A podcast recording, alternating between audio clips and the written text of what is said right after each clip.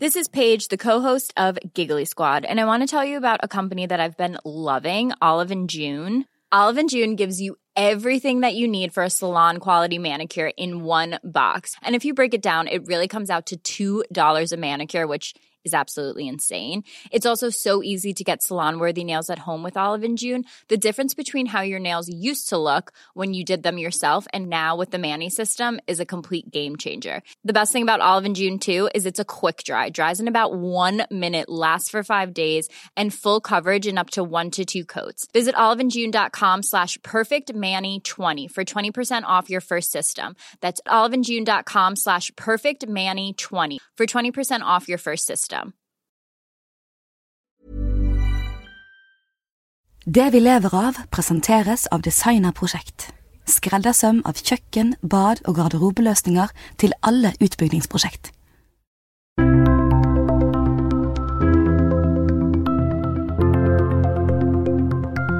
Oppdretterne håver inn, men sliter med lus, rømming og at folk vil ha anleggene ut av fjordene.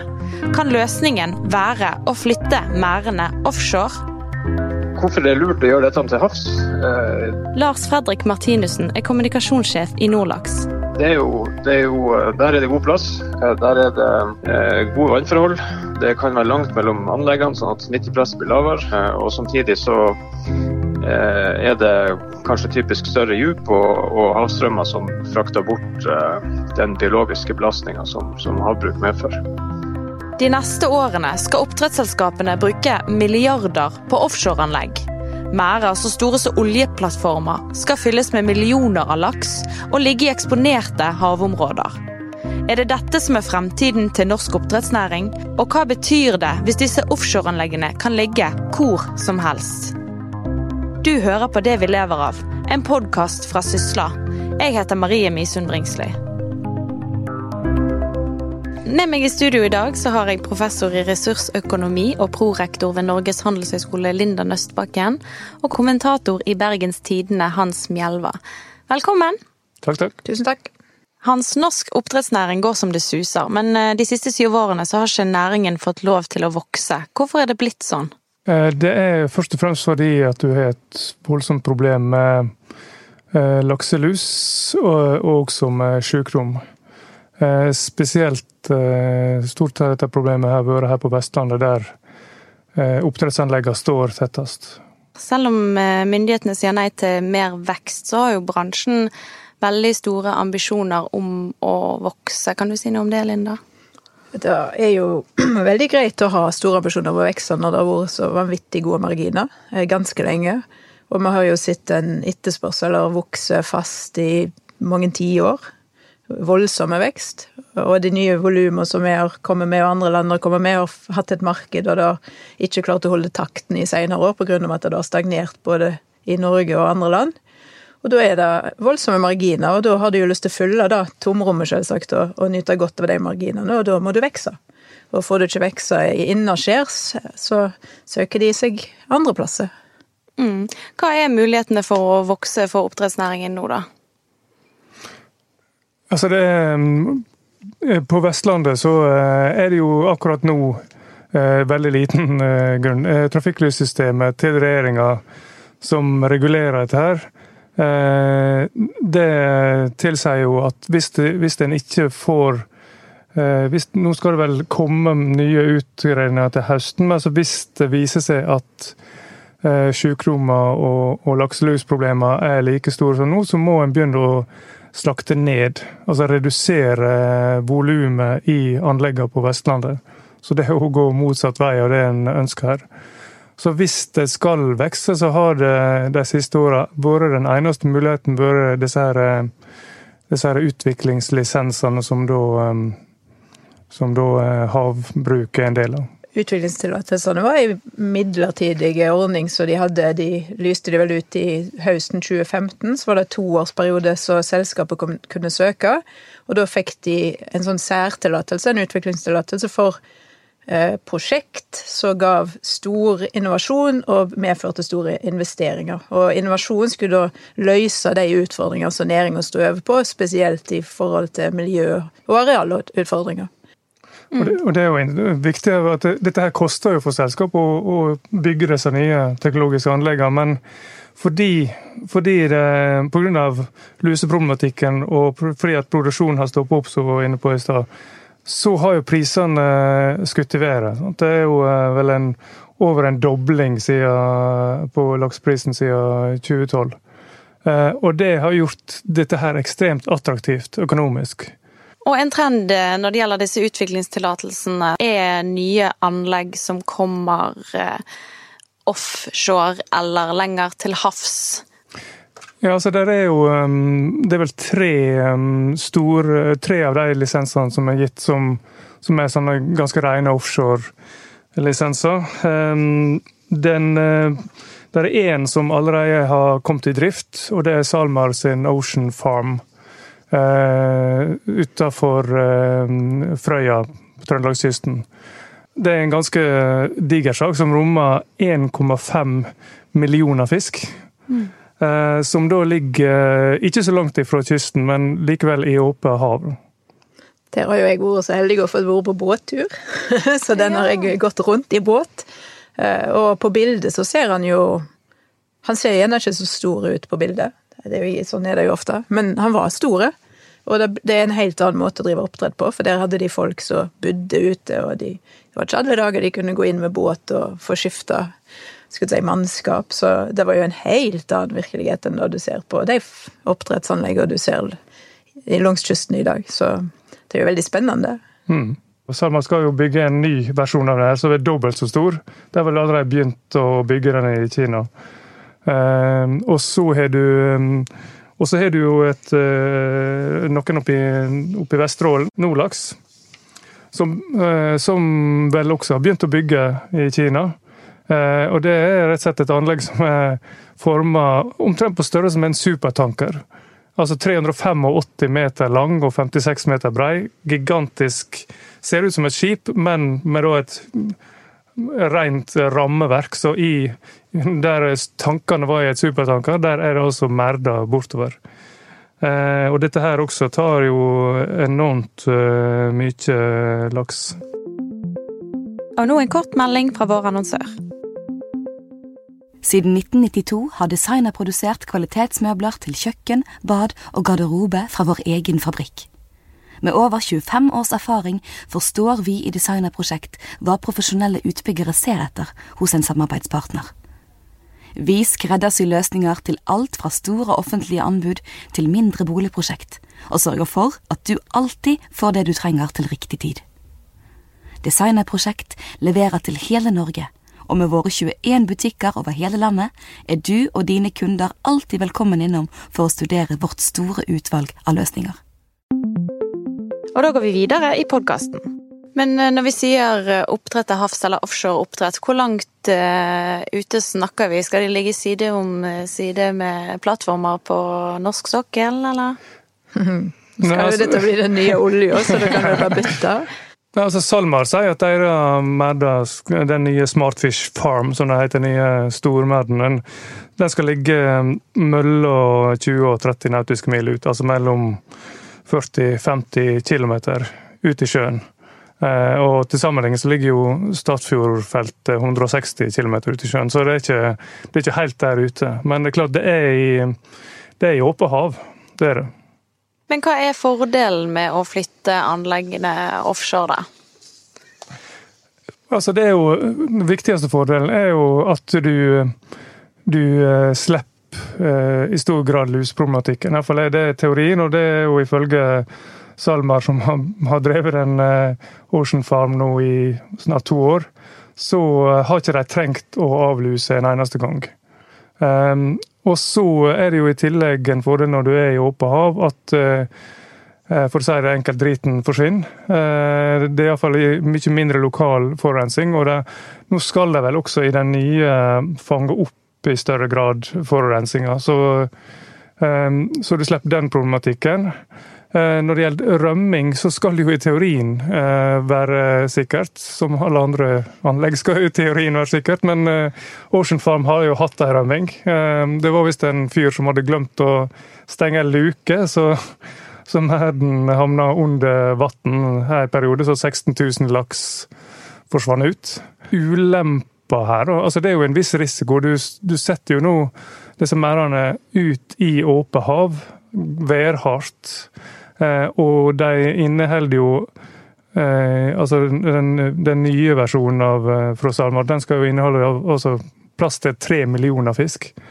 Og det er klart, hvis det skjer et eller annet der, enten sykdom eller, eller, et havari på et eller annet vis, så er det jo enorme verdier som, som står på spill. Og, og, naturligvis hvis tre millioner fisk rømmer, så er jo det også stort problem økologisk. Nå må jo jeg bare få forsvare litt innaskjærs tradisjonelt oppdrett, for det er jo Du finner nok oppdrettere langs kysten i dag òg som kan si det samme, at de har ikke avlyst. At de har hatt en hel generasjon, og de har sluppet avlysing. De bruker mer lippefisk, og er, det er store forskjeller hvor belasta de er i forhold til påslag med lus. Eh, det er det ene, og det andre er jo dette med dette organiske avfallet, som vi sier vi ikke bruker disse andre ordene. Så er det jo det er jo strømmer, og det sprer seg, og de har jo rydda veldig opp i hvor du får lov å ha oppdrettsanlegg i dag. Så det, er jo ikke Jeg føler jo det er litt sånn satt på ja, Noen ganger så er det sånn som om alle tror at det under ethvert anlegg så ligger det en stor haug med, med organisk avfall. Ja. Og det er jo ikke sånn. Nei da, men, eh, men, det har jo tidligere så har det iallfall vært et problem. det har det vært, og det legger jo en begrensning på hvor mye du kan ha i et område, fordi du må jo spre dette utover for å gjødsle på rett nivå havet rundt. Men det er, jo, det er jo mye fisk i sjøen, og alle har jo de samme prosessene. Sant? Så det er jo ikke sånn at det, dette er helt unaturlig. Og, eh, men du må jo ha et, ha et rett nivå på det. Men hvis, det er jo strømmer langs, langs kysten òg, så jeg mener det, det, tror jeg prøver å si, at vi må jo moderere oss litt i forhold til Ja, det kan godt være at noe skal ut i havet, men jeg tror ikke da at det hele oppdrettsnæringa flytter ut i havet fordi det er så mye trøbbel der som er. Det, det går jo gyselig godt, selv om de har store utfordringer nå biologisk. Jeg vil jo trekke fram en annen ulempe som ble klart eh, eh, i fjor. og Det var jo at kineserne som jo bygde den Ocean Farm for, ehm, for SalMar. De har jo eh, ja, De har bygd ei som er mistenkelig lik, eh, som de allerede har satt i produksjon. Og de har allerede begynt å bygge nummer to. Så de har nå begynt eh, lakseoppdrett i stor stil i Gulehavet. Ehm, med sannsynligvis mye av denne teknologien. Og det er jo merke... Altså, jeg stusser litt, for jeg leste på SalMars hjemmeside at de skryter av at dette her er jo teknologi som kan brukes over hele verden. Mm. Og det er jo en enorm risiko for norsk lakseoppdrett. For da det er jo, har jo til nå vært fjordene og de særegne eh, landskapene her som har gjort at vi har eh, hatt en konkurransefordel. Eh, men hvis du kan sette dette her i åpent hav rundt omkring over hele verden, så har vi ikke lenger den eh, konkurransefordelen. Og da blir jo dette her en eh, et, eh, en konkurranseulempe på lik linje med landbasert eh, lakseoppdrett. Det er jo enda et argument for å holde fast i den innaskjærs si, vanlige oppdrettsnæringa, for den det er mange fordeler med det. Det er mye billigere anlegg, det er mye nærmere land, det er mye mindre sjø. De jobber alt med det lenge, de vet hva de gjør. Og hadde det ikke vært for luseproblemer nå, så hadde de jo produsert fisk med en veldig lav kostnad. Det går allikevel bra fordi de har høye priser. Men det, jeg tror det, det, er en stund til vi kan si at ja, nå bare slutter vi, og så går vi ut i Sør-Kina-havet eller ja, Gulehavet var det vel de hadde basert produksjonen sin Altså det er jo, eh, sånn som du sier, så er det jo store fordeler med å produsere eh, inn i fjordene. Eh, så klart hvis en klarer å få bukt med luseproblemer og, og det som er av sykdomsutbrudd og sånn, så er jo det mm, Det er jo en mye rimeligere teknologi å, å ha merder inne i fjordene. Det er jo Altså, den, eh, den nye merden til SalMar, eh, den koster jo 1,5 milliarder kroner. Det er ganske mye penger som skal investeres. Du får ganske mange vanlige fjordmerder for 1,5 milliard. Ja, når vi tenker bare på det når vi snakker om hva, hva omsetter de disse selskapene for. Nå har det jo vært ganske få selskap som har blitt kjøpt og solgt, men det har jo vært et par i seinere tid. Så tenker du ikke engang på merene, for de er så relativt sett billige i forhold til konsesjonene at du tenker egentlig bare på konsesjonene. Mm. Er sikkert litt innenfor det andre òg, men når du går til disse havmerene, så er jo så er det ikke sånn. Da er det dyrt. Eh, og så hadde de da måttet betalt for konsesjonene, markedspris eller en kjøpt i en auksjon, så vil jeg jo tippe at de hadde Det er ikke sikkert alle disse investeringene hadde blitt gjort. Nei, og så er det jo sånn at det vil jo, Hvis det flytter til havs, så er det jo kun de store som kan drive med dette. For det, da blir det langt mer kapitalintensivt. Eh, for det er jo ikke bare selve investeringa, men også driftinga og, og, all logistikken rundt. Du skal jo ha båter som skal ut der og hente altså, og det, Så det blir en, blir en litt annen næring. Men uh, offshore er jo noe som vi har vært uh, gode på i Norge lenge. Kan vi bruke noe av kompetansen fra oljebransjen til offshoreoppdrett offshore oppdrett òg? Ja, altså det, Disse her merdene her, som vi snakker om, de, de, er jo helt åpenbart et produkt av, av offshorebransjen. Det ligger veldig mye offshoreteknologi i bunnen her på både på konstruksjon, og, altså materialberegninger og posisjonering og, og altså alt det som trenger. Det er jo Dette her er jo egentlig Disse merdene er jo langt på vei lik mye av teknologien fra oljeplattformer som, som er halvt nedsenkbare. Som, som, kan heves og senkes.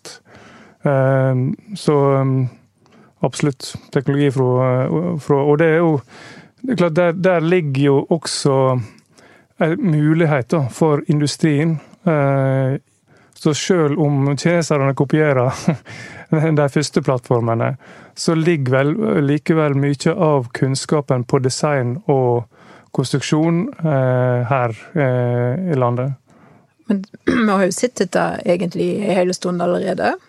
Jeg husker jo når oljeprisen raste i 2014, så så du jo et skift. At de som hadde jobba mot oljenæring og skifta mer mot, mot havbruk. Og noen av de har jo bare De er der fortsatt, og de har nesten slutta med, med olje. Fordi det er så mye som skjer i havbruk, sikkert litt pga. disse utviklingskonsesjonene. Mye av teknologien så, så, så, er allerede i dag veldig på vei inn i næringa, i oppdrettsnæringa, og har fått etablert seg, er jo sånn som kommer ifra, ifra oljenæringa. Sånn som både sensorteknologi og fjernstyring, i tillegg til disse store installasjonene ute i, ute i havet. Så det er jo allerede der, og det er sikkert mye rom for å, for å vokse der. Ja, hvor store investeringer er det snakk om i offshoreoppdrettet?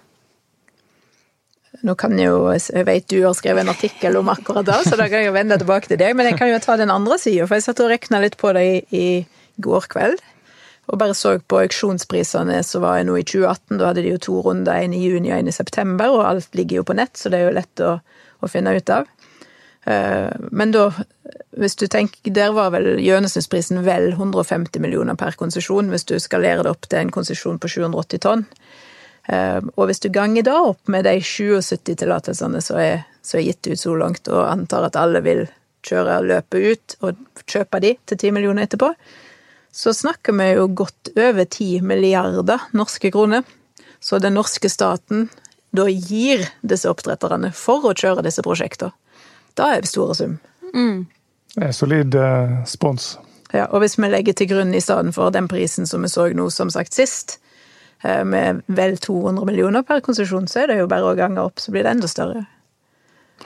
Så, da, kan en kanskje, kan kanskje si at de som da har råd til å drive med, disse lisensene. Altså de store, de, de tar jo enda et skritt. Avstanden blir enda større fra de til de mindre. Mm. Det tror jeg var en fin avslutning på dagens podkast. Takk for at dere var med oss, eh, Linda og Hans. Vi er tilbake igjen med en ny episode av Det vi lever av om to uker. I mellomtiden så tar vi gjerne imot innspill til tema vi kan snakke om. De kan du sende til oss på e-post podkast.sysla.no, podkast med K. Henrik Svanevik er produsent for denne podkasten, og jeg heter Marie Misund Bringsli. Takk for at du hørte på.